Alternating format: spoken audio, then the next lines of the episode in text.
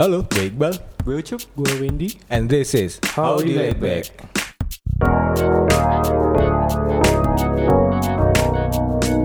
Cup, Wen, Yuk. ada yang pengen gue omongin sama kalian dikit.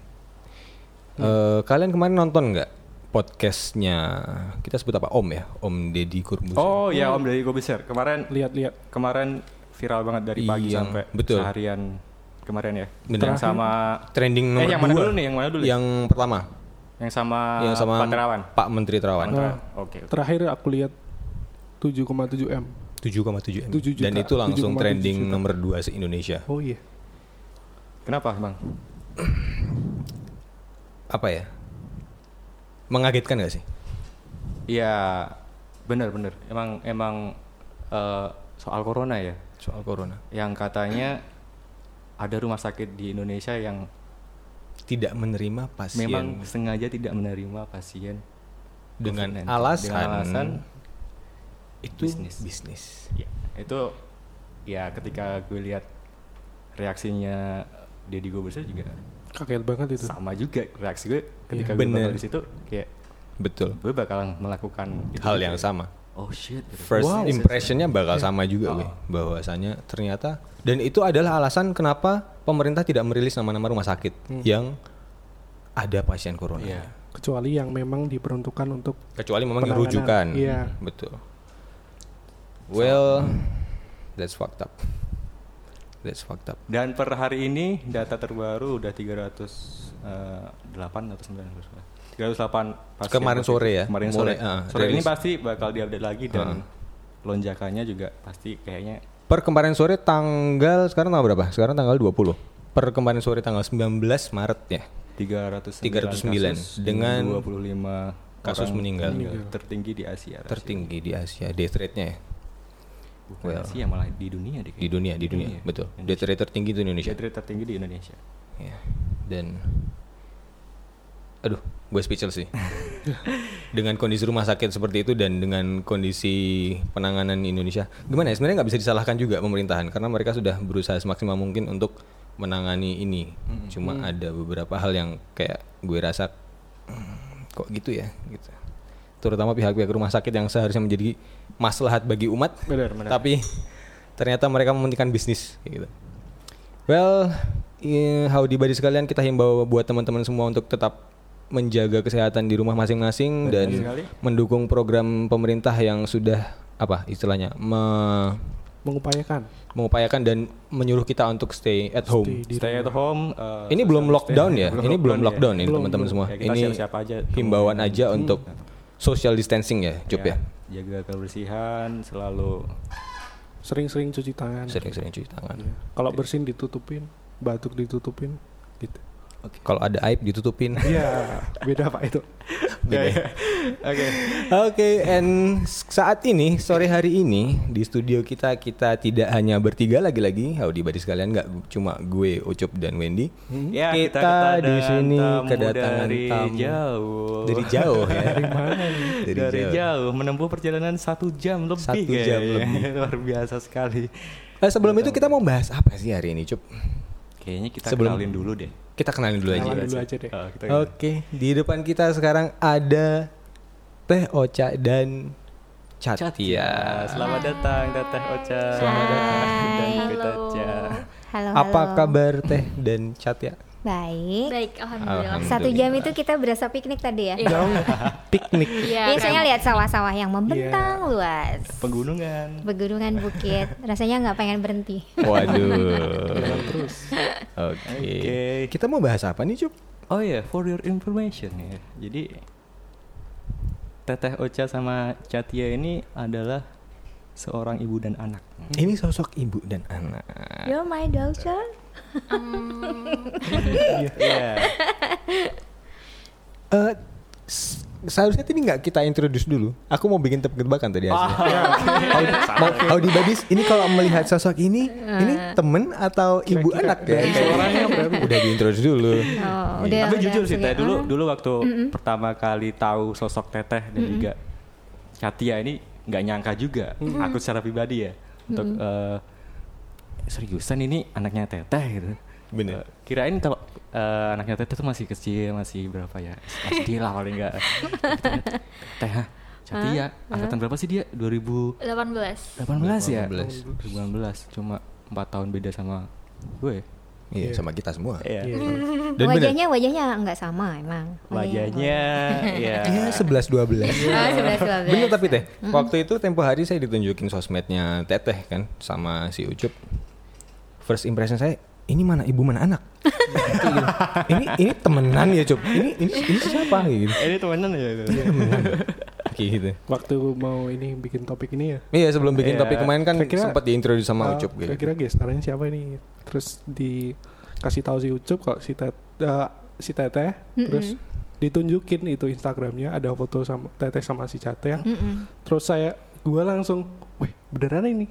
Kalau ini itu eh, ibu anak, kirain temen deket gitu kayak sahabat gitu. Iya, gara-gara gitu jadi kita tuh pernah batal endorse. Oh, gitu? Mau di endorse ibu anak gitu ya. Heeh. Terus pas foto kayaknya tapi nggak kelihatan ibu dan anak kita gagal. Alasannya malah karena padahal itu endorse Iya. apa produk apa Eh, produk baju jilbab gitu. Oh. Tapi yang memang buat ibu dan anak Oke. gitu. Tapi nggak kelihatan gitu, jadi- Mm-mm. tapi ya nggak kelihatan ibu dan anaknya jadi nggak jadi deh. kok nggak kok nggak kerasa ya ini kayak ibu anak. ya? iya. Makasih ya kita udah diundang ke sini ya. Iya. sama-sama ya jadi kira-kira dari dua tamu kita ini kita bisa yang kita bisa ulik apa sih bal Ben? Kalau gue pribadi cup eh, gini, saya ngelihat eh, relationship antara Teteh dengan Catya ini sangat menarik sih. menarik dan nggak banyak kayaknya ibu dan nggak anak banyak, seperti ini nggak banyak loh. Ibu dengan anak yang pendekatannya seperti ini nih nggak banyak. Kayak Deket banget gitu ya. ya itu tadi first impression gue aja kayak ngelihat ini ini kayak temen sih. Ini nggak kayak sosok ibu dan anak banget gitu loh. Dan itu itu sih yang ingin kita berbincangkan dengan Teteh dan Catya kayak gitu. Seperti apa sih sebenarnya Teteh melakukan pendekatan dengan anak-anaknya Teteh sehingga tidak umum tidak umum tidak umum kayak ini wow ini keren sih kayak Keren, gitu. iya. ini keren sih kalau di rumah teteh dengan Catya atau mungkin dari kecil teteh dengan Catya itu seperti apa sih Hmm, sehingga bisa terbentuk relationship yang demikian kayak gitu sebenarnya sama aja ya ibu dan anak kebanyakan. Cuma kalau dulu masih kecil akan beda. Saya sebenarnya banyak belajar dari Catya sendiri gitu. Saya justru yang menyesuaikan karena eh, kita harus tetap ya semua orang pasti punya pengalaman masa lalu pola asuh masing-masing saya Ya. punya pengalaman mas eh, pada masa kecil diasuh dengan pola asuh seperti apa gitu cuma memang waktu saya udah kuliah karena saya dari keluarga besar eh, tujuh bersaudara artinya papa sama mama juga punya porsi perhatian tidak cukup banyak gitu.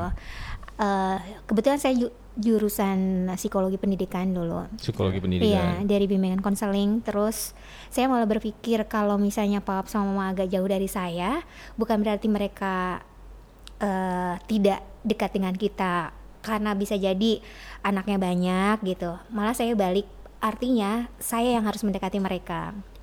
Kalau mereka tidak membuka komunikasi dengan, tentang hal-hal yang eh, pribadi, bukan berarti mereka tidak eh, peduli Iya. gitu ya. Tapi karena anaknya banyak, urusannya banyak, mungkin nggak kepikir gitu ya untuk nanyain kamu gimana, perasaanmu gimana gitu. Eh, di saat saya kuliah malah saya yang harus deketin mereka. Kalau ada beberapa hal yang eh, saya pengen menyatakan sesuatu tapi agak kagok karena kan pola komunikasinya beda nih. Kalau zaman dulu tuh ibu dan ayah tuh kayak ada jarak ya. Komunikasi komunikasinya tidak sedekat yang kalau saya lihat eh, di pola asuh eh, di era sekarang gitu. Kalau ada hal yang saya tidak bisa langsung sampaikan kepada orang tua, saya biasanya bikin surat gitu. pakai surat Iya, dulu pakai Dikirim surat. dulu ke pos nggak? Atau langsung di- Enggak, langsung dikirim. Tapi sayanya mau pergi misalnya kalau mau berangkat sekolah atau eh, saya simpenin gitu buat. Dan itu tuh biasanya memang lebih menyentuh. Ya. Ya, ya. Ah, betul, Saya melihat setelah saya memberikan surat untuk papap saya sama mama saya, ada satu perubahan yang oh eh, artinya mungkin orang tua juga bisa kok diingetin anaknya betul, gitu. betul. Saya menyampaikan beberapa perasaan. Nah, artinya eh, setelah saya punya anak, dulu mungkin saya juga nggak sedekat sama Teh Cate ya. Biasa aja kayak ibu dan anak dengan karena dia masih kecil gitu. Dia yang harus saya atur dan sebagainya. Tapi setelah dia mulai SMP, eh, terus dia mulai menstruasi, dia mulai punya, dia sudah mulai punya ketertarikan terhadap lawan jenis. Itu kan juga shock ya gitu. Eh, tapi ya saya juga ngerasa ya kalau hewan manus- manusia saya punya perasaan yang sama saya ngikutin saya belajar aja. Bela- saya mengikuti tapi juga tidak artinya saya harus ngikutin kemauannya dia terus. Ada pola komunikasi di mana kita bisa koordinasi koopera kerjasama gitu. Betul. Oke. tapi nanti bisa ditanya deh Teh Cat ya dari mulai dia dari kecil bagaimana perkembangannya mamahnya Ah. se- bisa sedekat itu tanyain sama anaknya sendiri Mungkin ada sedikit yang mau ku confirm dulu ke Teteh. Teteh berarti dia tujuh bersaudara Mm-mm. dan Teteh anak ke ketiga ketiga. Mm-mm. Saya paling saya yang paling punya usaha untuk mendekati karena merasa eh kan saya mungkin anak tengah ya. Mm-mm. Eh, merasa eh, anak yang paling tidak diperhatikan oleh orang tuanya. Eh, orang tua saya lebih ke anak yang paling besar atau ke yang paling kecil gitu. Akhir- eh, setelah saya kuliah saya berusaha untuk gimana ya eh, caranya. Saya melihat orang tua itu sayang, cuma anaknya banyak, urusannya juga banyak gitu. Eh, artinya saya yang harus mendekati. Bagaimana mengungkapkan perasaan saya di saat saya sudah sudah kenal dengan eh, rasa suka kepada lawan jenis kan itu sangat dulu kan nggak boleh oh pawap saya Iya, galak gitu iya, ya. iya, iya, iya. Eh, terus saya membuka itu awalnya eh, saya melihat reaksinya tuh kayak kagok gitu dan kaget gitu ya. Tapi saya men- mencoba untuk melepas semuanya kalau nggak ke orang tua saya ke siapa gitu. Betul. Jadi Teto yang proaktif ya. Mm-mm. That's nice. Mungkin sebelum lanjut ke sana nih Teh. Eh, gini, generasi-generasi saya dan Ucup dan Wendy ini kan sebenarnya sudah generasi-generasi yang memasuki usia menuju pernikahan ya. Teh. Mungkin kalau Iya kan ya? Why kita angkat ini ya. Why kita angkat ini. Eh undangannya ditunggu ya. Cari dulu mas. Cari dulu. Cari dulu. Cari dulu. Cari dulu. Semoga segera ditemukan ya. Amin.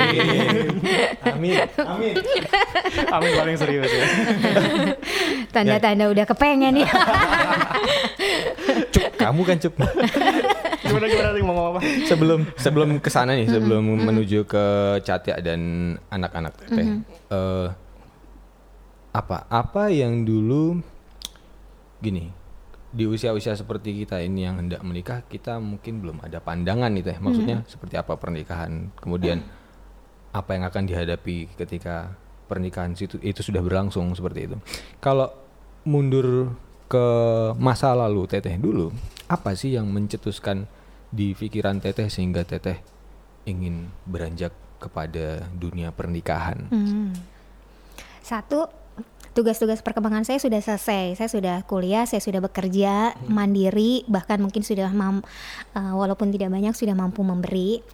Eh, pastinya di usia segitu ada keinginan untuk mendapatkan pasangan. Kebetulan saya kan sama papahnya Katya ini jauh ya. Saya tinggal di Bandung gitu. LDR-an Eh, deh dulu. LDR selama 9 tahun loh ya. Tapi itu nggak merasa pacaran ya, nggak merasa pacaran karena Iya, iya, iya. saya juga punya, saya punya eh, seseorang yang eh, saya sayangi gitu. Tapi di usia eh, 24 itu kan udah pandangannya buat saya tidak melulu cinta karena saya bukan bucin kayak anak sekarang. Tutup. saya jangan bucin makanya. saya orang yang eh, eh, apa ya mampu menyeimbangkan antara eh, rasa afek- afektif dan logika saya gitu. Eh, saya melihat kalau ke depan tuh saya harus punya suami yang punya tanggung jawab, yang menerima saya apa adanya karena saya dari keluarga besar ya. Eh, artinya selain menerima saya harus menerima orang tua saya, background Betul. keluarga saya, adik-adik saya, kakak saya. Nah kebetulan papahnya Teh Ciata ini orang yang dia tuh tidak melulu melihat saya walaupun saya misalnya tidak baik responnya ketika dia datang ke rumah saya biasa aja karena nggak ada perasaan mungkin gitu ya. Tapi saya melihat proses itu beliau pendekatannya ke orang tua bagus ke adik-adik bagus komunikasinya ke kakak-kakak bagus gitu. Ya akhirnya saya menerima walaupun eh, saya, saya selalu yakin ya gitu. Kan kalau eh, anak-anak sayang saya melihat kecenderungan ya. Mau menikah itu harus punya A B C D.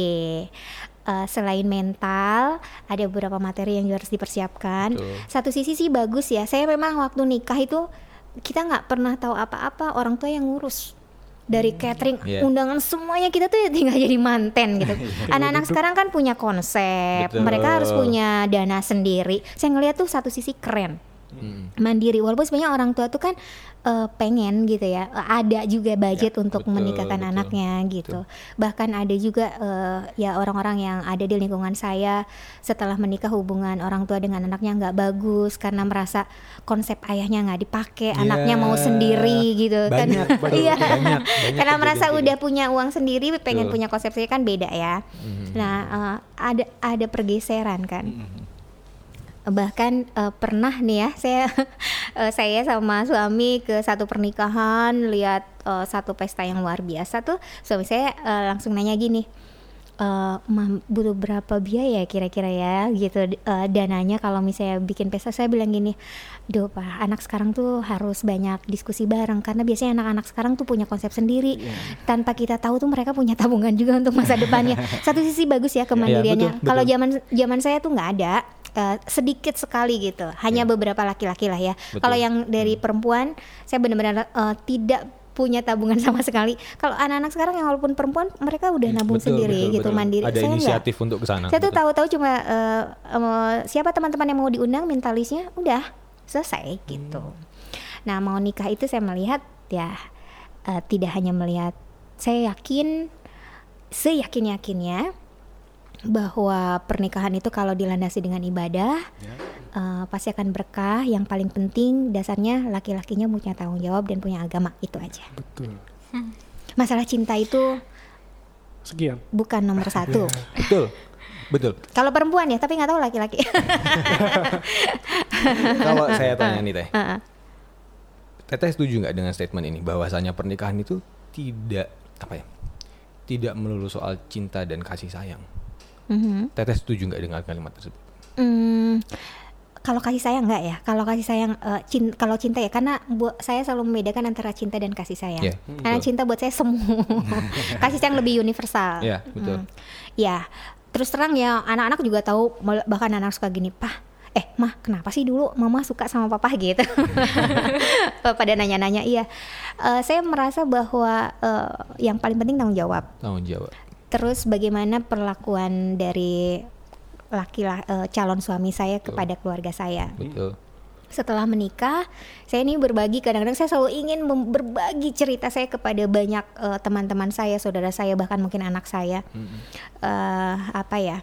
Setelah menikah itu kan ada nih cinta cinta banget nih laki sama perempuan menikah Bera- beberapa bulan beberapa tahun divorce itu Iya. cerai alasannya sudah nggak ada cinta lagi karena cinta itu kan memang harus dipupuk Betul. terusan saya kalau dilihat ya perasaan saya ke papahnya CT dulu mungkin hanya 20% logikanya 80% tapi setiap hari saya pernah ditanya juga setiap hari kalau bangun tidur saya selalu bertambah rasa sayang dan cinta saya karena sesuatu yang positif yang saya lihat gitu. Kalau perempuan kan sebenarnya mudah ya. Kalau laki-lakinya bisa tidak membeli hatinya dengan harta loh ya, dengan perhatian, dengan Betul, kebaikan, dengan sikap-sikap positif, itu tuh nambah nambah sampai saya sendiri yang eh, selalu ketakutan saya ditinggal. Padahal dulu saya bodoh amat gitu. Iya, iya, iya, iya. Eh, artinya eh, laki-laki harus begitu. Saya akan sharing aja laki-laki harus begitu. Kalau misalnya CT bilang eh, melihat sosok papahnya nanti kalau oh, saya punya suami pengen kayak papa gini gini gini gitu. Ya kalau kami orang tuanya berharap lebih baik dari papahnya gitu. Kalau saya sendiri bukan membanggakan suami saya sendiri ya gitu. Oh iya, modal laki-laki tuh itu sebenarnya nanti kalau support istrinya karena rezeki itu tuh Allah yang ngatur. Betul. Itu akan sangat memudahkan jalan. Gitu. Ini contoh konkret bahwasannya cewek nggak selamanya mengandalkan perasaan ya berarti teh. Eh, Kalau teteh iya. bilang tadi perasaan 20% dan 80%-nya adalah logika. Logika. Tapi mungkin ada sebagian tidak perasaan, tapi udah ke materi duluan. Kalau ah, saya iya. nikah, saya nikah suami saya udah kerja dan mapan ya waktu itu. Gaji saya sudah bisa ngasih oh ngasih orang tua iya. gitu. Suami saya tuh baru baru training di salah satu perusahaan. baru training Baru loh. training, ya. Eh, nikah dia dapat SK jadi eh, jadi karyawan diangkat. Saya hamil, saya melahirkan diangkat jadi manajer. Eh, saya hamil lagi yang kedua diangkat lagi jadi vice president. Lahir anak kedua diangkat lagi jadi direktur gitu. Artinya kan semua itu bisa linear kalau mau diusahakan Betul. Dari awal gitu. Betul. Kalau dari awal sudah sudah persiapan secara materi misalnya Iya. gitu ya, kan bisa berkurang. Betul. Mendingan nambah kan daripada berkurang. Betul. nah, pertanyaannya, iya. pertanyaannya, di awal Teteh mengetahui kondisi suami seperti itu, ada kekhawatiran gak sih? Insya Allah saya dari keluarga yang tidak berlebihan, Mhm. eh, bahkan mungkin kekurangan ya. Hmm. Bayangkan aja eh, ayah saya seorang dosen swasta, anaknya tujuh. Anak- iya benar. Jadi buat saya mau kurang mau enggak, saya akan bisa terima gitu Iya. karena bukan orientasi saya bukan hidup itu eh, dengan materi yang penting saya selalu, di- selalu ditanamkan dari orang tua yang penting kayak hati Betul. bukan kayak harta Si gitu. sensor Keren. ya Allah yang kayak gini.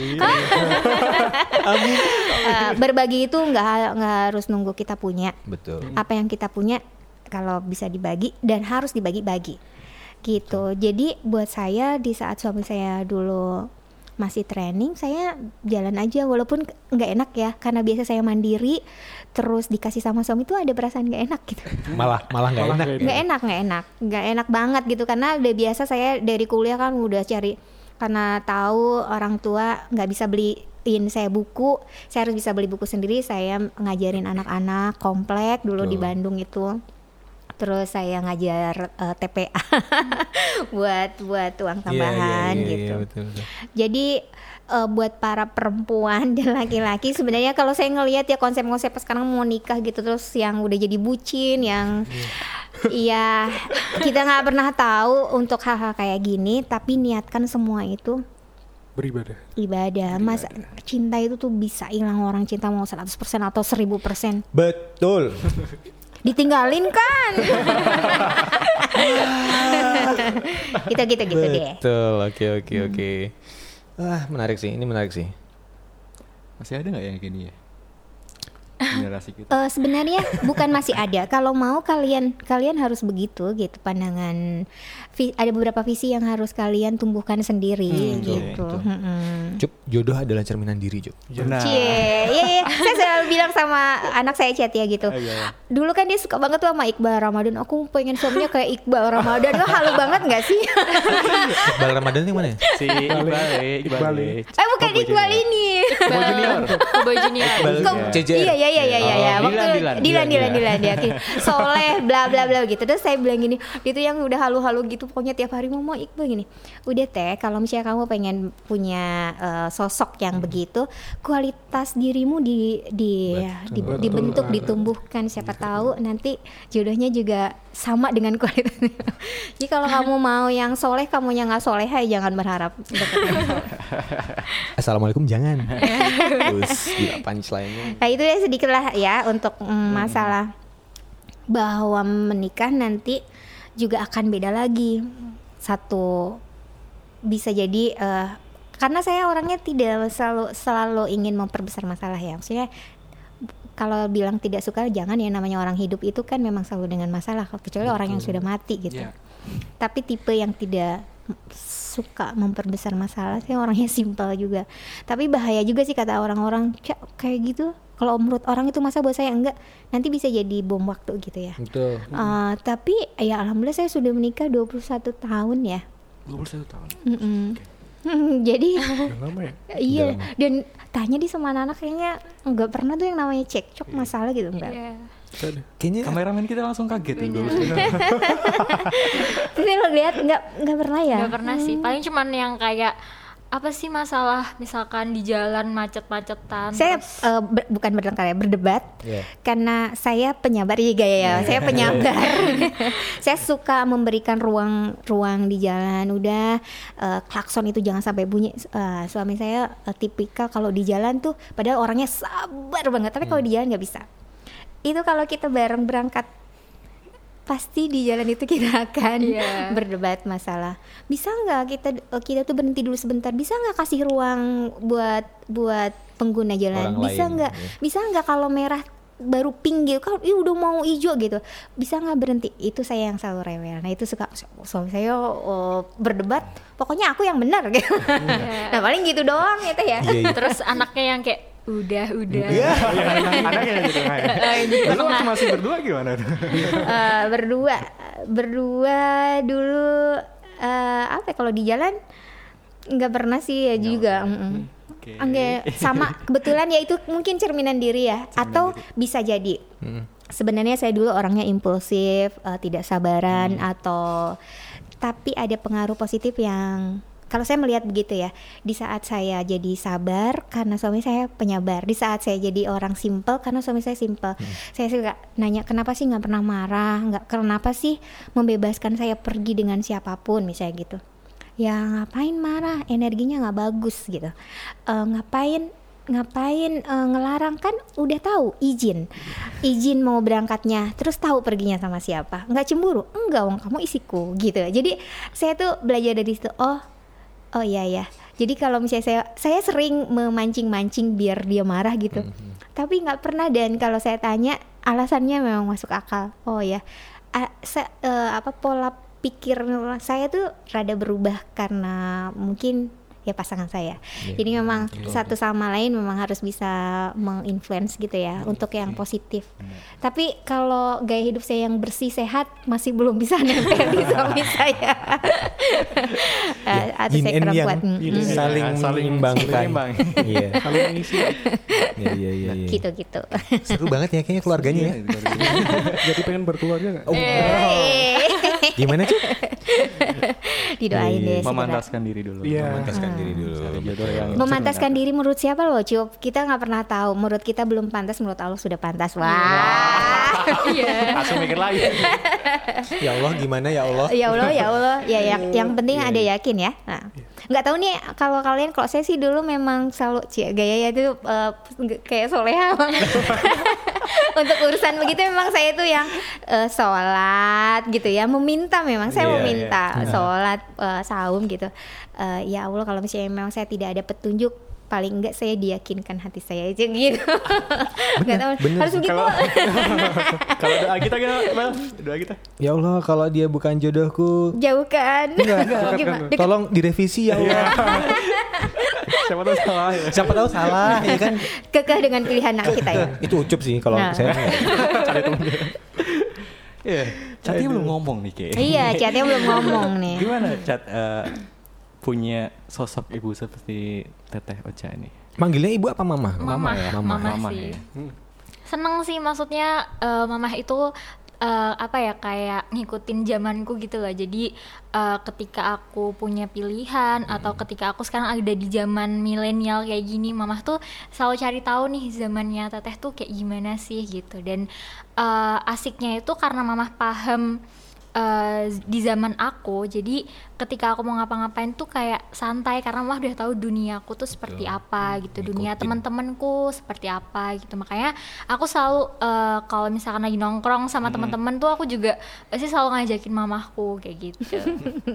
That's biar why mamah tahu gitu lingkunganku tuh seperti apa gitu. Softwarenya teteh nih istilahnya update terus gitu ya. Update terus. Update terus. Iya. Jadi nggak Kalau ada beberapa kata yang aku nggak tahu misalnya gitu, teh teh teh, sebenarnya ini artinya apa? gitu, teh ini artinya apa sih gitu. Kayak ada ada di Instagram apa gitu ya. Dari istilah-istilah zaman sekarang gitu ya. Ya, ya, ya. ya. Nanti Jadi kalau selalu paham, kepo gitu mamah tuh tapi ngasih tahu juga kalau belum ih kepo. iya Aduh, ya ya ya ya. gitu sih. Sampai pada apa ya? Ini siapa nih? Sampai pada tahap di sosmed pun saling berinteraksi ya iya benar Itu sengaja teh. Eh, sengaja karena gini kalau saya ya Mm-mm. kalau saya perlu, perlu merespon saya pasti respon Mm-mm. Mm. atau memberikan apresiasi Mm-mm. Mm, ya kalau anak-anak ke saya kadang-kadang kadang-kadang eh, saya malah suka nggak enak misalnya ulu-ulu teh mama lebay nggak kalau misalnya update kayak gini saya malah nanya teteh malu nggak kalau punya mama kayak gini enggak aku tuh sih asik-asik aja gitu kadang-kadang saya juga tanya karena saya akan menempatkan diri misalnya eh, bukan saya menjudge gitu. Saya kan juga punya banyak teman yang sepantaran. Kadang-kadang buat saya tuh kok kayak gitu? Lebay ya gitu. Misalnya saya punya bukan menjudge cuma eh, menurut pandangan saya eh oh diusahakan saya enggak. Atau saya emang nggak suka kayak gitu. Tapi kadang-kadang kalau misalnya saya pengen mengupdate sesuatu saya pasti akan eh, minta feedback dari anak. Lebay enggak? Enggak. Terus saya minta izin nah, kalau misalnya saya mau up, upload foto dengan anak-anak. Boleh nggak mama? Takutnya nggak berkenan. Iya. Oh, sampai segitunya. ya? Mm-mm, boleh nggak mama uh, update ini gitu. Takutnya nggak berkenan karena siapa tahu gitu. Uh, anak-anak nggak berkenan. Kalau anak saya yang cowok kan gini mau di mention nggak nggak usah. Nah, gitu. Mau di-tag nggak? Mm-mm, mau di tag nggak? Nggak usah gitu. Ya udah apalagi kalau yang laki-laki ya. Kalau yang laki-laki memang agak kurang bisa diajak hanging out bareng karena dia nggak bertahan lama gitu. Kalau sama TCT udah frekuensi hampir sama.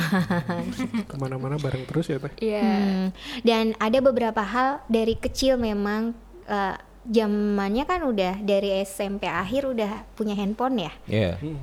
Kalau ada dulu Teteh inget nggak kamu kalau nulis suka alay-alay Iya, di Facebook. di Facebook ya zaman Facebook dulu Iya. gitu. Oh, status Facebook gitu. ya? Status Oh, Iya, oke. terus saya akan konfirmasi kok eh, statusnya kayak gini. Enggak tuh mah, aku tuh bukan lagi galau, aku tuh lagi kepengen aja gitu. Takutnya memang itu ungkapan Iya, ekspresi iya, dia. iya, iya, iya. Nah sekarang eh, saya aktif lagi di Twitter gitu ngelihat anak saya aktif lagi, jadi saya ikutan aktif. Dulu enggak, mm-mm. dulu enggak kan dia juga enggak tahu dia udah aktif lagi Twitter, saya aktif lagi Twitternya. Dan dia memang sering nyampah di situ. Nyampah. Iya. Oke. nyampah eh, ininya perasaannya iya saya kalau saya ngelihat memang di situ dia memang mengeluarkan itu walaupun sebenarnya dia juga cerita cerita tapi dia juga pengen mengeluarkan di medsos entah tujuannya biar dibaca teman-temannya juga jadi teman-temannya yang paham juga kadang-kadang suka komen gitu. Dan saya coba coba menyeimbangkan aja dengan komen-komen yang kalau dia lagi reaksioner saya coba tengahi gitu. Ya udah eh, tapi saya selalu merespon dengan positif. Ya sebenarnya bukan saya udah positif sih itu juga buat reminder saya Iya, iya, oh kalau kayak gitu saya punya kekuatan juga untuk me- merespon hal-hal negatif dengan positif ternyata bisa gitu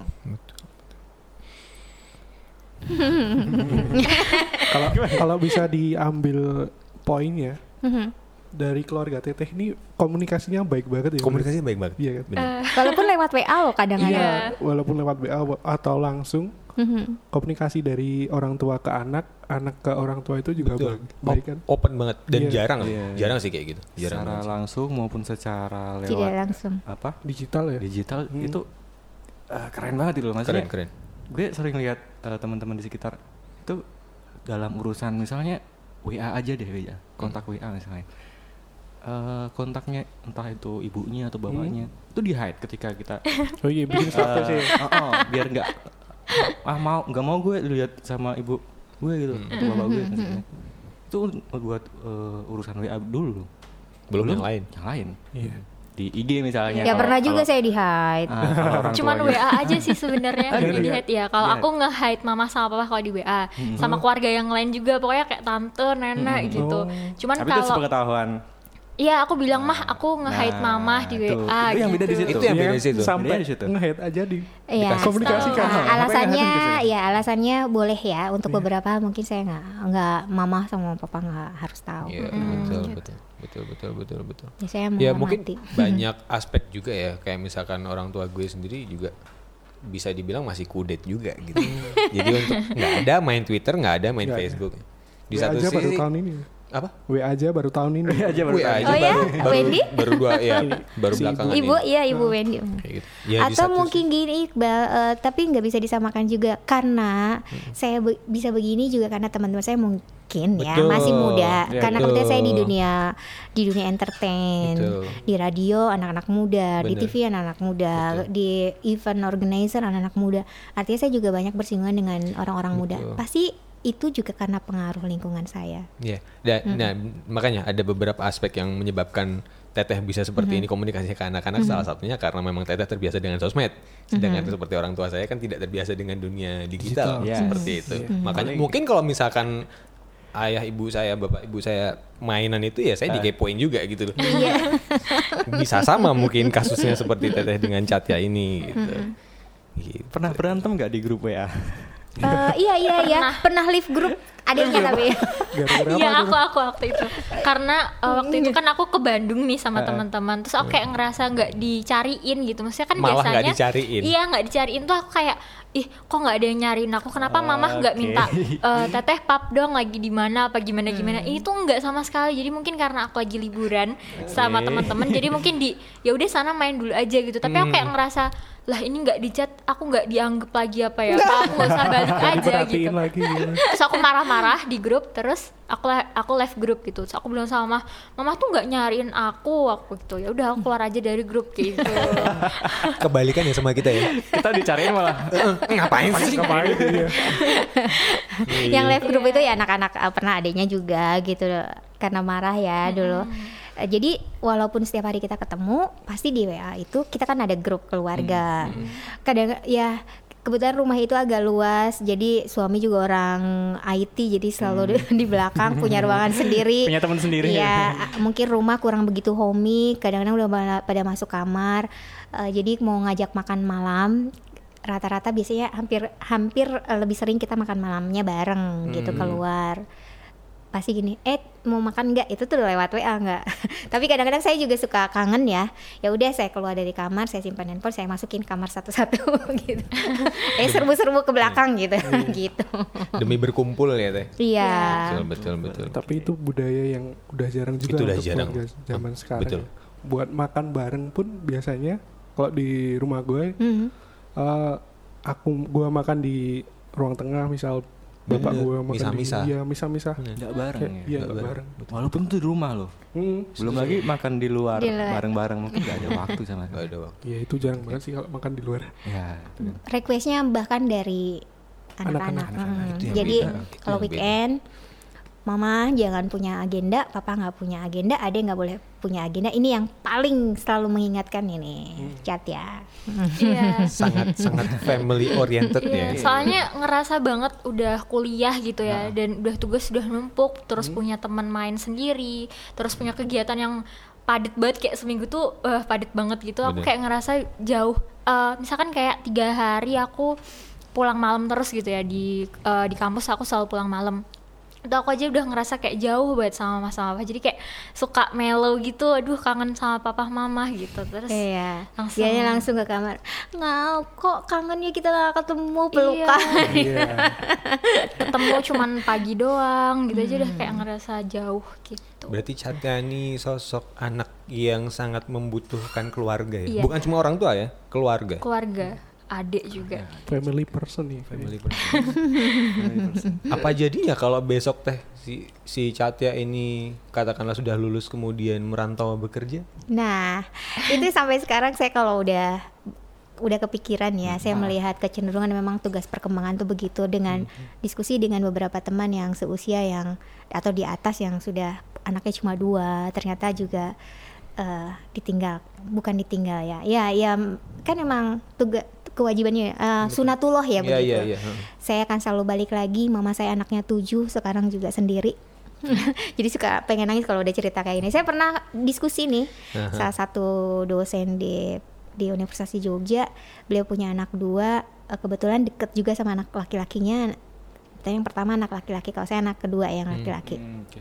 Dia cerita gini, "Ba- kebayang nggak kita itu memupuk rasa cinta, cinta banget sama anak cowok kita. Ternyata udah gede cowok, anak cowok kita tuh mencintai perempuan lain.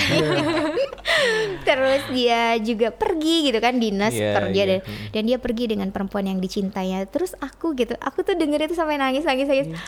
Oh Oh. Bener, iya, itu akan terjadi juga sama saya gitu Iya. tapi eh, akhirnya saya akan oh iya ya hidup tidak selamanya juga harus sama berputar. Dan saya juga melihat Betul. mungkin papa sama mama juga dulu begitu. Saya waktu dari eh, menikah dan dibawa ke Jogja nangisnya nggak berhenti berhenti dari kamar ke ruang tengah nangis lagi. Dari dengerin radio nangis lagi. Karena di situ lagi siaran gini wah buat Teh Ocha selamat jalan ya bla bla bla bla gitu. Saya tuh gini, saya meninggalkan orang-orang yang saya sayangi dan orang-orang yang menyayangi saya gitu. Betul. di Jogja saya nggak punya keluarga besar nggak punya teman nggak tahu juga Jogja gitu. Karena kan eh, saya nggak kuliah di sini juga.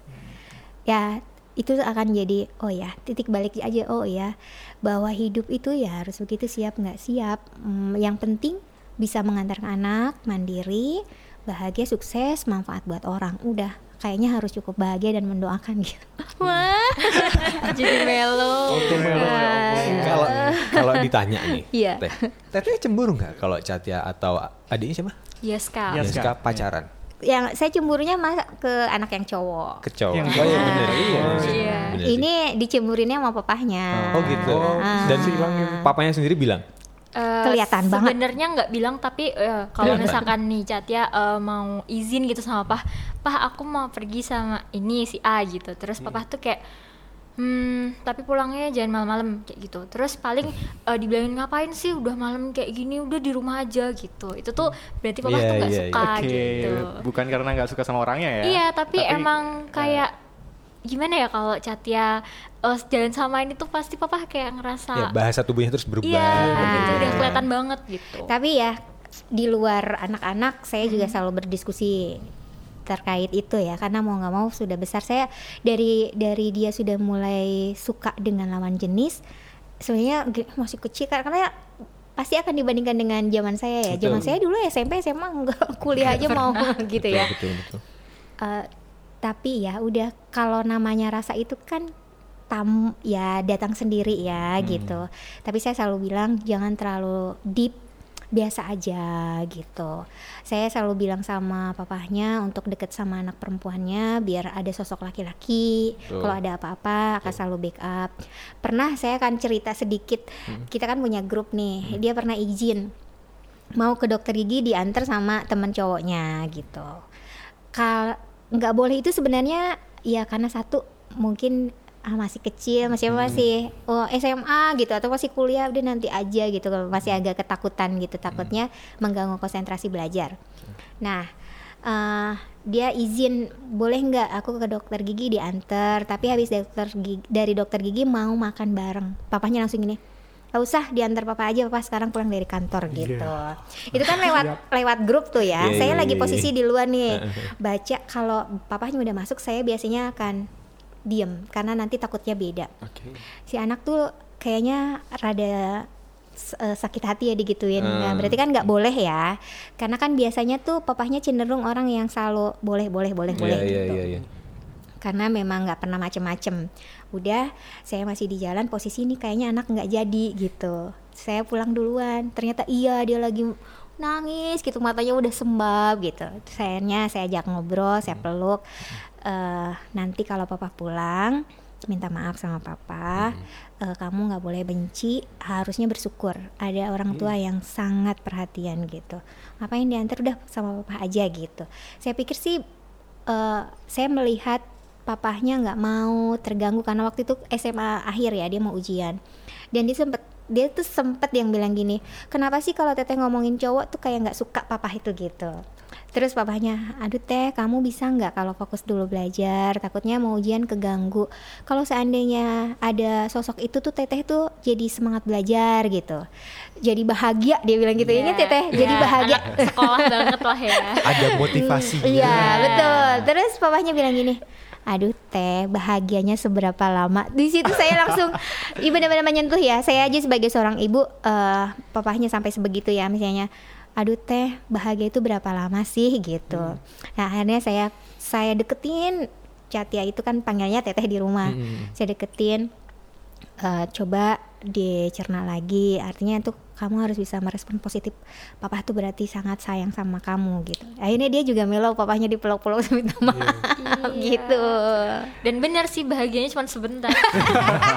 Berapa lama? Berapa lama ini? Langsung kebukti ya. Udah langsung kebukti ya terus bener ya kalau namanya papa sama mama tuh gitu Cuma pesannya sama sih sama eh, mama saya bahwasannya ketika kamu jat ini pesannya mama saya ke saya. Eh, jadi ada sedikit cerita saya sempat galau teh. Oh iya iya iya Satu iya. waktu saya sempat galau. Saya lagi nyetirin waktu itu diminta nganterin mama saya ke mana kayak gitu. Saya lupa ke pasar atau ke mana kayak gitu. Lagi baru keluar rumah dan lagi preparing lagi berhenti diem di mobil gitu. Tiba-tiba mama saya nyeletuk.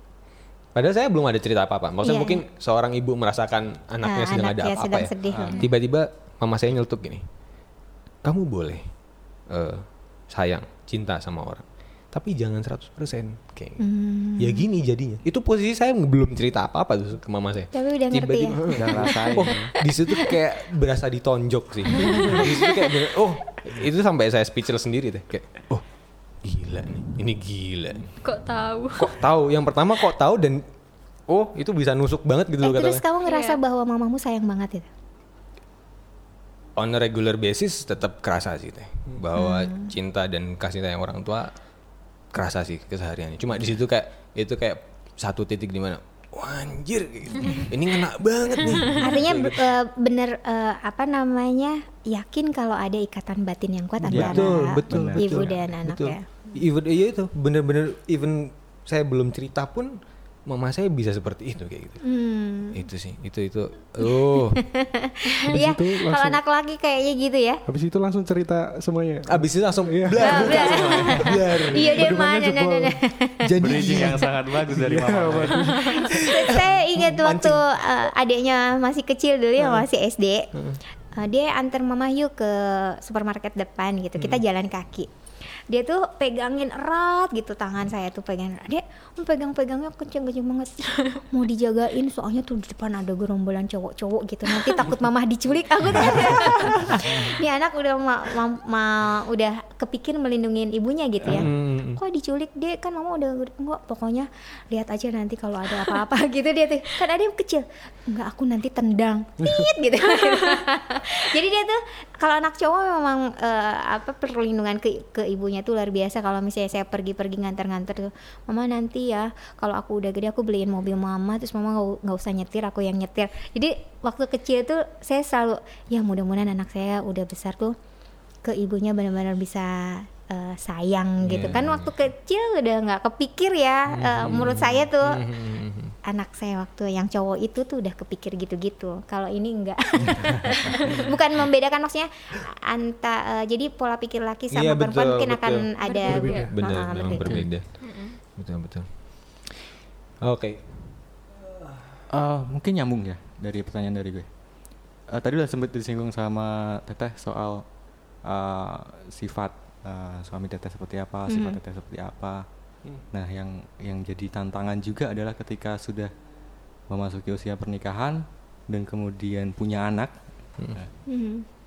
punya cara sendiri-sendiri. ya Nah, gimana kemudian Teteh untuk mengelola itu tadi emosi antara emosi Teteh dengan emosi suami Teteh seperti apa? oh ya Ah. karena bener eh, akan berat ya saya saya akan flashback apalagi dengan background yang berbeda-beda Hmm, iya. saya orang yang sebelumnya bekerja dari pagi sampai sore Hmm. terus pindah ke Jogja tuh yang di rumah saja saya saya ada fase karena tidak langsung hamil waktu itu kan Hmm. ada jeda dulu beberapa bulan mungkin harus ada Allah kasih waktu untuk Ya. adaptasi gitu saya saya melihat setiap hari kalau suami saya pergi ke kantor saya tuh kayak jealous gitu Eh, langsung nggak pernah memberikan raut muka yang ya mendoakan suami mau pergi. Saya diam aja kayak jealous. Dan dalam pikiran saya gini kenapa sih saya nikah nggak manfaat gitu? Cuma di rumah dulu zamannya ada telenovela. Ya nontonnya telenovela udah bosen gitu. Karena satu Jogja Jogja asing buat saya. Saya nggak punya teman. Ya nggak ada keluarga tadi Ah, keluarga suami juga kebetulan cuma sedikit dan bekerja dua-duanya. Adik adiknya dua juga nggak pernah ada di rumah gitu. Karena waktu awal nikah kan satu satu rumah sama keluarga suami. Nah ada satu fase saya merasa tidak bermanfaat di saat setelah saya menikah gitu karena di- diem di rumah gitu. Saya sering pulang. Kebetulan ibunya suami ibu mertua bilang kalau mau pulang diizinkan aja pulang gitu kan masih adaptasi. Ya suami saya juga mengizinkan pulang. Pulang tuh nggak pernah sehari dua hari dua bulan. Lama ya. itu lama sih? Iya saya masih karena eh, kebetulan keluarga besar saya juga eh, apa ya tipikalnya selalu bareng-bareng ke mana-mana bareng. Jadi selalu kangen kalau nggak kangen ngumpul gitu. Pasti kalau ngumpul tuh seru Iya, gitu. iya, iya. sering pulang. Suami saya punya pengertian yang cukup luar biasa. Punya anak waktu itu akhirnya punya anak ya mau punya anak aja pulang lagi. Pulang lagi gitu ke rumah ke mama balik lagi punya bayi. Ada hal-hal di mana kalau punya anak menurut saya sebagai seorang istri saya kepengennya tuh ada ada suami terus kan bareng-bareng membesarkan anak. Tapi kan suami kerja nih dari pagi sampai sore. Itu harus ada adaptasi. Hmm, Betul. ya dan ya egonya juga ya udah. Ada beberapa hal yang saya merasa juga kayak ngurus anak tuh kayak nggak ada meaningnya. Ternyata kan itu bisa bisa dihikmahi tuh setelahnya gitu. Jadi malah anak-anak saya kan nggak bekerja di rumah. Full housewife itu selama 8 tahun. Mm-mm. Jadi tapi sempat waktu hamil sempat siaran di radio. Waktu hamil juga tetap agak produktif kalau ada job-job nge-MC gitu. Eh, punya anak di rumah beberapa kalau ada makanya saya haus belajar kalau ada seminar-seminar saya ikut. Kadang suami juga support. Jadi karena asik eksklusif dua-duanya gitu karena saya di rumah kadang-kadang suami nggak ke kantor juga karena kalau udah posisi di atas kan eh, enak gitu ya Iya. eh, fleksibel waktunya ya udah dia support eh, saya ada job MC misalnya dia support dia dia ikut kalau jamnya nenenin saya nenenin terus nanti kerja lagi gitu ya kan kerjanya jadi by order ya. By order. Tapi udah kepengen banget nih siaran di radio beraktivitas. Saya juga sebenarnya bisa mengajar gitu karena eh, dari pendidikan gitu. Tapi setelah 8 tahun di rumah itu eh ya saya bisa menghikmahinya setelahnya saya pernah apply CV ke dua radio ditolak gitu. Pas di interview ditanya udah menikah udah punya anak? Ternyata jadi pertimbangan. Hmm, betul. Ah, oh udah punya anak tuh nggak bisa ya bekerja gitu. Dulu tuh sempat ah, kalau denger radio tuh pengennya matiin aja karena saya kan di radio gitu dulu ya yang full time gitu di radio 8 jam kerja. Nah setelah itu eh saya malah ng- nggak tahu. Saya ditelepon TVRI dikontak TVRI lagi punya prog- eh, punya program unggulan terus butuh presenter. Saya tuh nggak pernah nonton TVRI juga gitu waktu itu. Terus dipanggil mau diaudisi. Jadi ada beberapa sekitar 10 calon presenter mau diambil empat gitu dal- dalam sebulan nanti gantian. Saya termasuk salah satu yang diterima. Waktu itu cuma 5 episode. 5 episode dikasihnya gitu gantian dan itu program unggulan setelah itu malah saya dikontak salah satu radio kebetulan ada teman juga ngajakin teh udah di TVRI ya? Enggak itu cuma presenter lepas aja. Mau nggak di radio? gitu. Radio lagi butuh orang yang udah nggak training lagi gitu. Itu datang tapi itu juga galau satu masalah lagi karena kan biasa ada di rumah terus harus keluar rumah. Biasa anak-anak saya pegang sendiri saya nggak saya tuh nggak orang nggak percaya kalau anak tuh dipegang orang lain. Iya. gitu. Kebersihan semuanya harus saya saya jaga gitu pokoknya Eh, kebetulan ini kan berarti udah 8 tahun kakeknya bilang nggak apa-apa kalau misalnya mau bekerja nanti biar dipegang kakeknya gitu. Karena neneknya udah meninggal. Nah karena waktu itu saya juga tidak hanya bekerja buat saya tapi beraktualisasi diri ya. Karena passion saya di situ hobi saya di situ. Wah siaran lagi gitu. Ya udah akhirnya saya mau ngambil tapi dengan perjanjian saya mau part time aja. Jadi saya akan datang kalau jam siaran aja saya nggak mau jadi manajemen dan sebagainya. Akhirnya iya. Eh udah di radio udah jalan saya dipanggil lagi TVRI malah dikasih program mingguan. Udah dikasih program aja.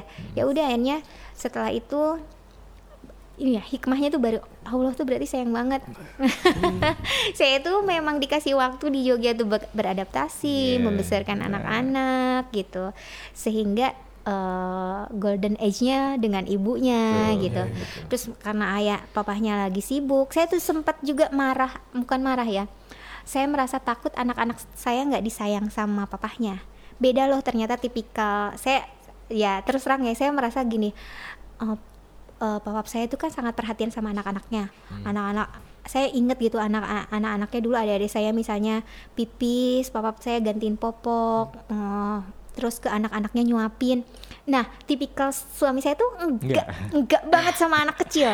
Enggak suka kayaknya sama anak kecil. Iya. Saya tuh merasa takut anak-anak enggak deket sama papahnya takut ternyata papahnya nggak sayang sama anak-anaknya takut kalau kasih sayang itu hanya dapatnya dari saya gitu eh kalau pagi-pagi nih saya mau mandiin saya akan minta pokoknya mandiin sekarang harus ditemenin.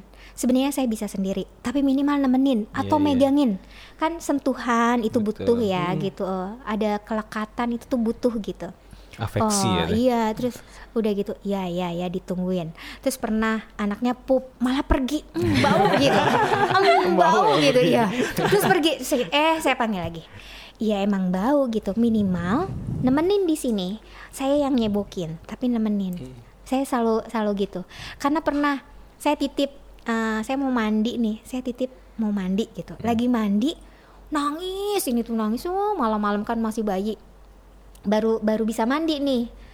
Loh kok nangis terus ya? Kok nggak digendong ya? Saya tuh belum selesai mandinya tapi karena udah nggak kuat nih dengar Iya, suara iya, tangisan iya, bayi iya. tahu nggak? Papahnya ngorok Iya. Nah, anaknya yang nangis. Terus saya langsung gendong. Saya sambil nangis gini. Ternyata tuh dia tuh nggak kebangun anaknya nangis gitu. itu tuh masih kebayang sampai sekarang. Iya, Te- kayaknya kayak terus dia kebangun terus kayak merasa bersalah. Eh nangis ya maaf ya aku soalnya kan lagi tidur kan nggak tahu gitu. Padahal tuh di sampingnya nangisnya kenceng banget loh. Nah di situ tuh saya merasa bahwa aduh ini eh, kayaknya tipikal orang tua yang nanti akan jauh dengan saya pernah berpikir gitu. Khawatir ya. Khawatir mm-mm. khawatir nih nanti takut nggak disayang. Nah lama-lama melihat begitu saya buka diskusi juga sih sama suami gitu. Suami saya orang tipikal pekerja eh, workaholic. Jadi udah Workaholic. dari pagi sampai sore nanti malam buka laptop lagi tuh saya kapan dielus-elusnya gitu ya. Dielus-elusnya tuh laptop aja tiap hari. Mm-mm. jadi teman-temannya udah tahu cak kamu tuh istri kedua istri pertamamu ini eh istrinya Mas Iwan ini gitu. ah. ya saya harus asertif juga saya menyampaikan itu. Ternyata laki-laki itu juga kalau sudah berkeluarga punya anak punya eh, ya udah punya istri dan punya anak visinya juga beda ke depan gitu. Ya harus ke depan ya. Awal-awal saya merasa saya merasa nggak disayang gitu. Terus eh, ini juga apa namanya sebagai parenting juga ya eh, bekal buat kalian. Eh, kalau mau memang harus disampaikan gitu. Eh, ada beberapa hal kan kebutuhan lahir batin gitu ya. Saya merasa gini, saya sudah capek nih ngurus anak dua gitu kan kalau tidur juga pengen dipeluk misalnya gitu. Itu kan tadinya saya biasa aja tapi lama-lama kok kenapa enggak ya tiap malam depan laptop terus ya. saya sampaikan. Ternyata kan oh Oh gitu ya, dia tuh nggak nyadar juga. Iya, iya, iya, saya iya. masih produktif. Dia kan selalu belajarnya lewat eh, internet. Ja- Hmm. bayangin zaman 2000 itu warnet juga jarang. Suami saya tuh karena orang IT di rumah udah punya pemancar sendiri. Hmm. Jadi saya juga nggak boring banget. Saya belajar bahasa Inggris, saya belajar apa pun tuh lewat lewat internet di rumah. Ah, zaman dulu tuh belum ada Facebook dan sebagainya. Karena yang akses internet lancar gitu. Warnet juga masih jarang karena Iya, iya. saya diuntungkan diuntungkan suami orang IT aja gitu. Tapi ternyata waktunya tuh benar-benar dia tuh nggak bisa sehari nggak ada internet. Koneksi internet nggak ada tuh nggak bisa. Jadi kalau mau mudik tuh dia pasti wah di Garut Bingung. susah gitu. Bingung, Mm-mm. nah di situ saya sampaikan eh, saya sudah mencurahkan semua perhatian saya ke anak-anak. Saya minta kalau anak-anak juga pengennya digendong. Ya akhirnya bukan nggak sayang tapi mungkin nggak kepikir sebelumnya oh Iya, iya, kirain untuk betul, hal itu tuh udah cukup ya di sama ibu sama istri. Enggak. Saya bilang enggak Kalau- peran ayah di sini. Iya.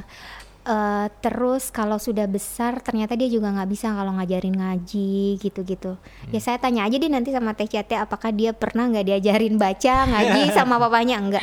Atau diingetin sholat? Enggak gitu. Saya jadi ya udah untuk hal itu saya papa memang nggak bisa gitu. Minta tolong mama yang men- tapi untuk beberapa hal ya papanya support gitu. Mungkin ini nyambung sama pertanyaan ini sih dikit. Ini kan kita cowok-cowok nih. Teh. Gimana gimana gimana gimana? Mungkin kita kurang memahami persepsi seorang wanita gitu. Maksudnya eh, pandangannya saat ini adalah yang namanya parenting tuh ya tugasnya ibu. Kayak gitu. cenderung ke ibu Nah, aja ya. parenting itu tugasnya seorang mama ke anak kayak gitu. Ayah kerja.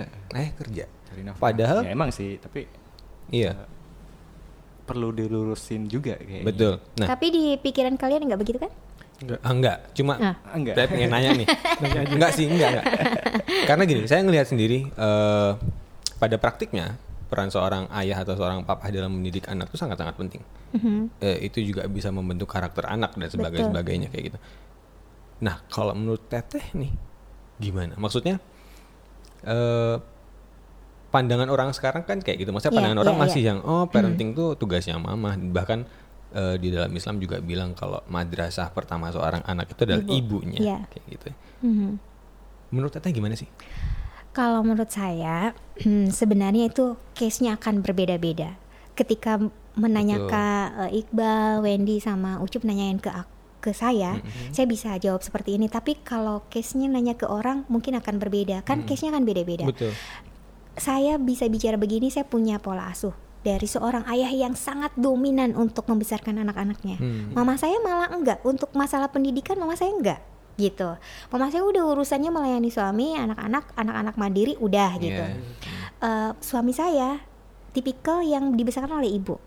Ayahnya enggak karena eh, dulu ibu ayahnya itu jauh. Ah, Hmm. Ayahnya di Jakarta. Be- lama gitu kerja di Jakarta, ibunya di sini. Jadi dibesarkan oleh ibu. Ibunya juga sibuk banget dia. Artinya kan nih pola asuh kami berdua aja kan berbeda. Kalau saya eh, ya akhirnya berkoordinasi nih untuk beberapa hal pola asuh yang didapatkan dari orang tua suami yang baik diambil, yang nggak baik nggak usah dicontoh. Saya juga begitu. Ada beberapa hal misalnya oh ya saya galak ternyata kalau galak itu tidak efektif ditempatkan di di era sekarang ya enggak. Saya tuh dulu sering loh dikasih masukan terlalu galak, terlalu keras gitu. Karena ayah saya keras. Bapak saya tuh galak banget. Bahkan sama bapak mertua itu pernah juga kalau habis ngajarin ngaji tuh kan, kalau anaknya lele tuh saya marah gitu. Masa gini kemarin udah diajarin gitu. Karena saya juga dulu gitu. Masih ke bawah-bawah ya, Tas? ke bawah, eh, masih ke bawah.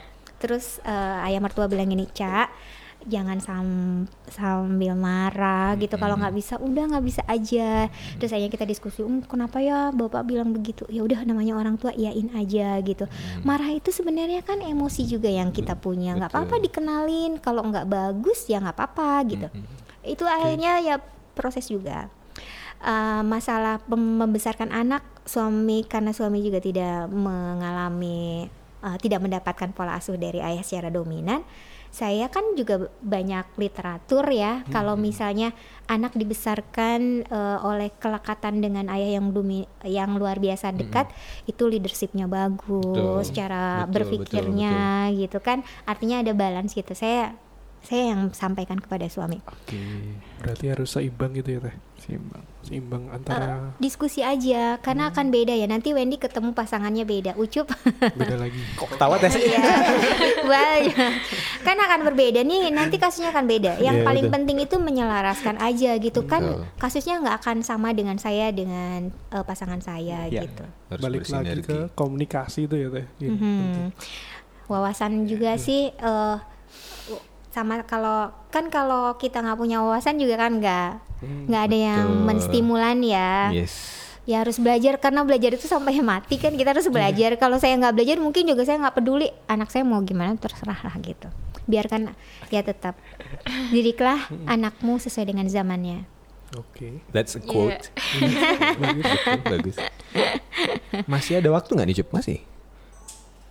Mungkin satu bahasan terakhir ya. Kemarin sebenarnya sudah sempat kita bahas nih teh di episode sebelumnya di podcast ini mengenai quarter life crisis.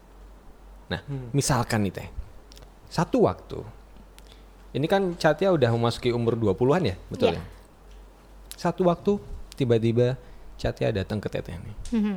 Mah, kok hari-hariku atau kok eh, sekarang aku gini banget ya? Dalam artian Catya eh, curhat nih. Dia mungkin udah mulai masuk ke quarter life crisisnya. Hmm. Dia sudah mulai merasakan mengicipi bagaimana rasanya quarter life crisis.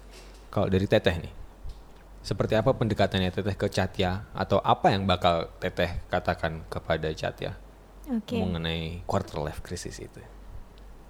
kalau gimana pun kita punya ego sebagai ibu dan ayah ya Heeh. Eh, saya, saya sama papahnya juga pasti ada keinginan yang ya sepertinya tuh kayak eh ya nggak mana sih yang nggak pengen sempurna anaknya bahagia dapat ya Iya, gitu ya. hmm. tapi lagi-lagi kami memang sepakat untuk memberikan ruang kepada anak. Kalau misalnya anak galau berkeluh kesah eh, ya kita dengarkan.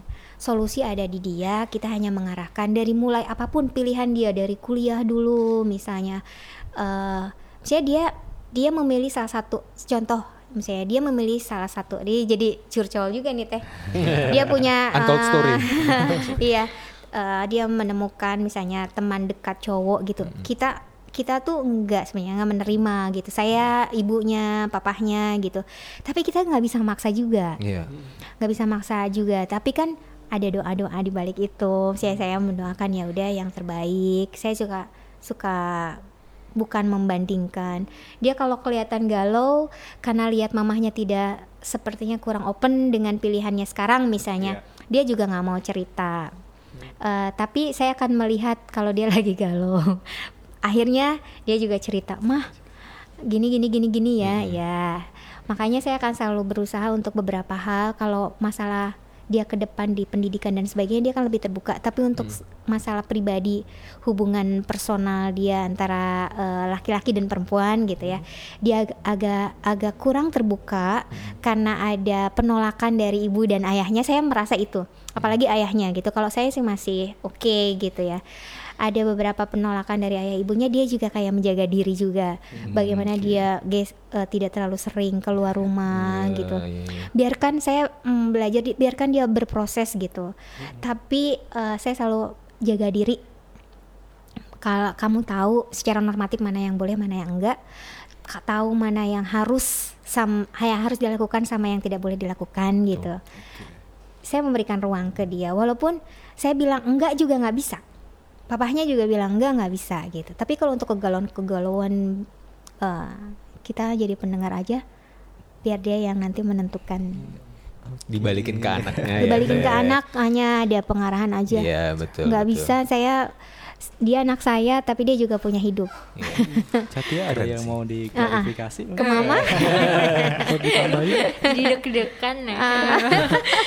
Sebenarnya emang bener sih aku benar dika- eh, yang tadi dikasih tahu sama mama emang aku ngerasa emang mama sama papa tuh kayak kurang eh, setuju kalau eh, misalkan Catia nih udah punya, Punya temen rasa sama deket gitu. temen cowok atau mungkin ya udah deket banget gitu sama temen cowok tuh pasti papa sama mama kayak kurang eh, apa ya kurang nerima gitu. Dan itu tuh selalu makanya aku kalau mau cerita apa pun tuh selain itu aja gitu sama papa mama dan kalau udah di eh, misalkan nih sama Yaska nih kan aku kalau cerita-cerita apa-apa sama adek ya Biasanya gitu. terus gitu ya. Iya gitu. Jadi pokoknya aku cerita sama adik, adik cerita sama aku. Ntar pokoknya jangan sampai ada yang dikasih tahu ke mama sama papa Orang kayak gitu. gitu. Kalau dikasih tahu nanti kita juga bakal eh, bocorin kayak gitu kan rahasia masing-masing gitu dan eh, kalau udah disindir sama adik misalkan kayak teteh nih kemarin jalan lu sama ini gitu. Aku udah mulai udahlah diem gitu takut melotot gitu. Eh, eh, gitu. Soalnya males males debat juga gitu sama papa sama gitu. Takutnya ketika Catia udah kayak ngomongin soal cowok tuh papa sama eh, udah nggak ba- apa ya responnya tuh nggak bagus tuh dan malah bikin aku jadi sakit hati sendiri kayak gitu. jadi mending nggak usah dibahas kayak gitu ada yang sakit hati nggak di papa sama mama? Ya jadi mediator. Enggak enggak enggak Eh, jadi sebenarnya gini eh seperti tadi ya saya juga nggak mau kalau dia nggak cerita. Saya nggak mau juga kalau dia nggak cerita kalau ada eh, tapi ya sebenarnya kalau nggak mau banget sih enggak karena dia juga mah eh, masuk ma eh, jadi ngomongin jangan ini ini nih gini gitu ya dong. Hmm. Hampir Hampir gitu ya keceplosan. iya eh, saya responnya nggak terlalu responsif gitu karena berharap ah udah masih anak-anak ini belum serius. Papahnya juga sempat sih waktu itu saya ada kegiatan yang tidak bisa saya punya tanggung jawab dalam kegiatan itu. Dia lagi ada da- dalam hidupnya dia kan kepengen jadi dulu pengen jadi princess gitu. Nah kebetulan dia ada kesempatan untuk jadi princess gitu ya karena dia ikut modeling gitu. Eh, terus abis itu graduasi eh, graduation. Graduation. gitu ya. Eh, papa temenin sama papa ya. Mama tuh nggak bisa karena ini acara eh, mama yang eh, tanggung jawab. Oke. Papahnya itu wa gitu selama selama acara berlangsung. Mah kayaknya ada yang cowoknya itu deh. Terus kayaknya mau dia tuh yang curhat ke saya gitu ya. Eh, terus gimana? Papa gimana? Ya dikena mau dikenalin tapi papa itu melihat eh, memperlihatkan respon yang tidak begitu bagus. Iya, iya. kayaknya teh teh tahu kalau aku nggak suka terus saya tuh gini oh ya udah ya udah diliatin aja dinikmatin ini bagian hidup gitu. Jadi papahnya juga cerita sama, sama saya gitu. Kayaknya teh teh udah tahu nih kalau papahnya tuh nggak suka. Terus saya cerita teh tapi enggak kok dia eh, pas dikenalin papa bilang eh, apa- ya maksudnya ya ya nggak mungkin ya kita Iya, di iya. depan gitu. Saya juga pernah beberapa kali ketemu cuma oh iya masuk gitu saya pernah loh pernah loh ya saya parkir gitu parkir dia baru datang Di rumah ini teh? Ah, Iya di rumah, dianterin tuh. Saya nggak mau keluar karena saya nggak mau menyapa. Kenapa? Kenapa? berat berat buat saya berat Oh. berat berat banget gitu. saya di- diam di mobil beberapa menit. Ternyata mereka tuh saya lirik, mereka dulu lagi nungguin. Jadi kan saya juga nggak tega ya. Iya, iya, iya. Ah, Ini saya keluar, eh gitu bahasa basi, eh masuk dulu gitu. Baru ingat nggak? ya gitu deh. Jadi artinya satu sisi saya sebenarnya nggak mau dia ceritanya ke orang lain Iya, betul. satu sisi ya manusiawi lah ya namanya eh, ibu ayah ada beberapa hal tapi kita juga tidak bisa memiliki dia sepenuhnya saya biarkan biarkan dia berproses tum ya tumbuh berproses menemukan eh, siapa tahu da, menurut kita nggak baik menurut dia baik nanti akan ada jalan yang tepat gitu Yes, keren sih, keren keren keren. masih lama kalau dia oh nanti aku nikah sama siapa nanti aku udah kuliah langsung nikah ya gitu gitu saya langsung diam aja papanya yang ah S2 dulu Oke. gitu Iya iya iya. Mungkin kayaknya udah panjang ya cup. Udah cukup lama. lama loh Nggak kerasa ya? Nggak kerasa kan ya teh? Nggak Iya. kerasa kan ngobrol kayak gini? biasa tapi Mungkin- untung bukan gibah Hampir tadi. mungkin ada, mungkin lebih ke pesan ya cup ya. Mungkin ada satu kata yang hendak teteh sampaikan ke chatnya mungkin Kalimat. di kesempatan Hmm? Kali ini. Oke, Ka- teruslah ber, teruslah tumbuh berproses. Tuh jadi pengen nangis ya. Tumbuh berproses, cari lingkungan yang baik. Saya tidak akan, saya tanya deh dari kecil tidak pernah meminta apa pun prestasi juara satu dua. Yang penting eh, manfaat untuk sesama di lingkungannya, di sekitarnya. Asah terus kepedulian gitu.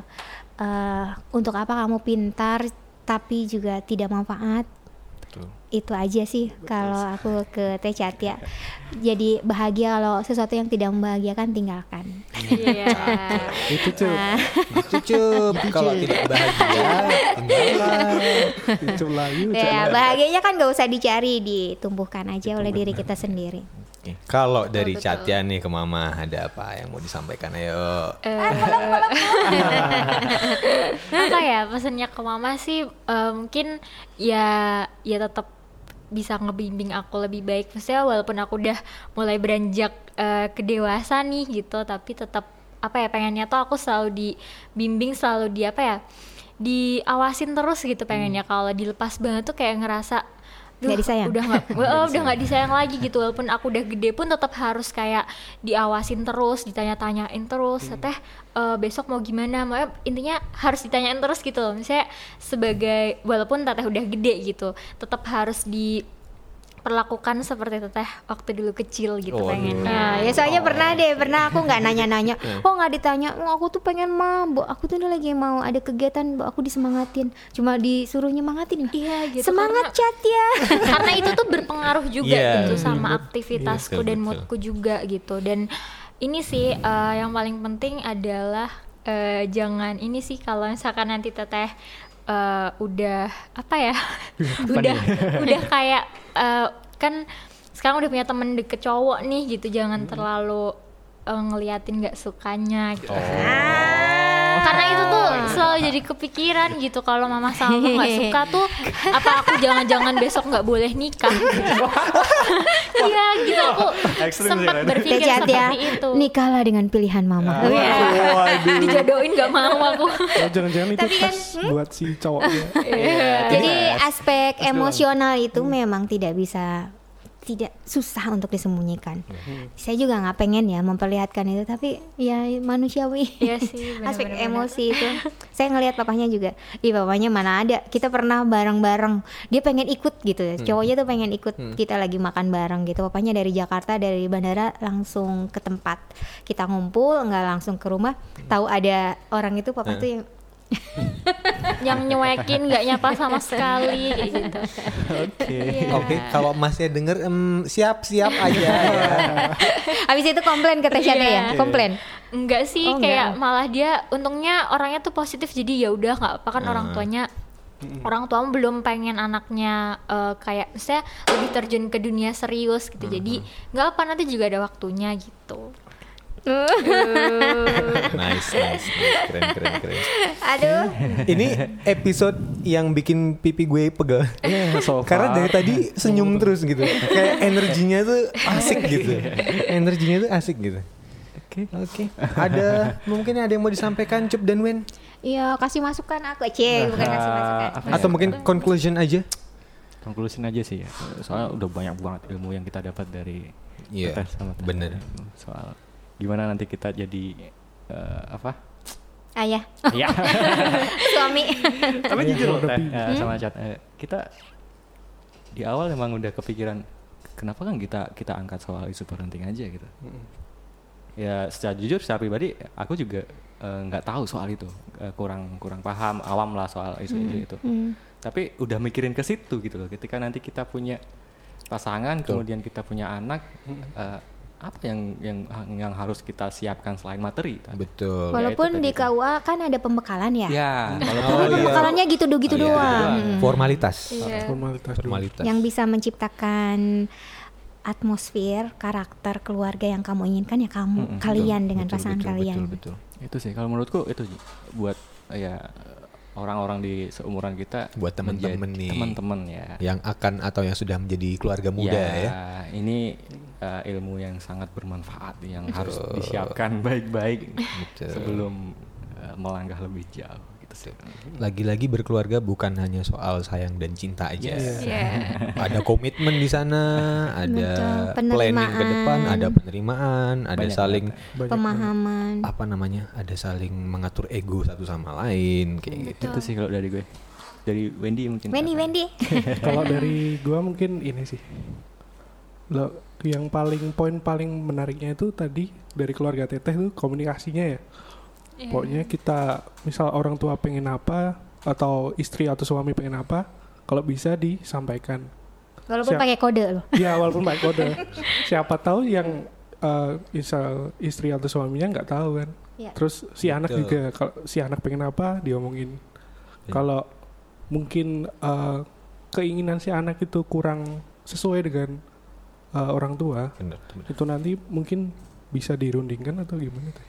Ya, kuncinya adalah keterbukaan. Keterbukaan. Keterbukaan Keterbukaan. itu. Sangat Itu pelajaran yang saya dapati sangat-sangat dapati dari relationship saya yang sebelumnya juga ya. Tidak- Bahwa tidak keterbukaan itu Oke kita penting. cukupkan sebelum kita curhat lebih panjang nanti kita Atau gini gini, tidak semua yang kita mau itu sesuai dengan keinginan Iya, kita. Betul, betul. Tetap penerimaan itu Betul, betul. harus lega. Jangan terlalu berekspektasi pada manusia. Iya. Waduh, waduh, waduh. Nanti ditinggalin. Kena lagi. Kayaknya kita bikin quiz seru. Coba hitung berapa kata ditinggalin dalam episode Iya. ini. Tahu di badis? Dihitung coba. Aduh, oke oke.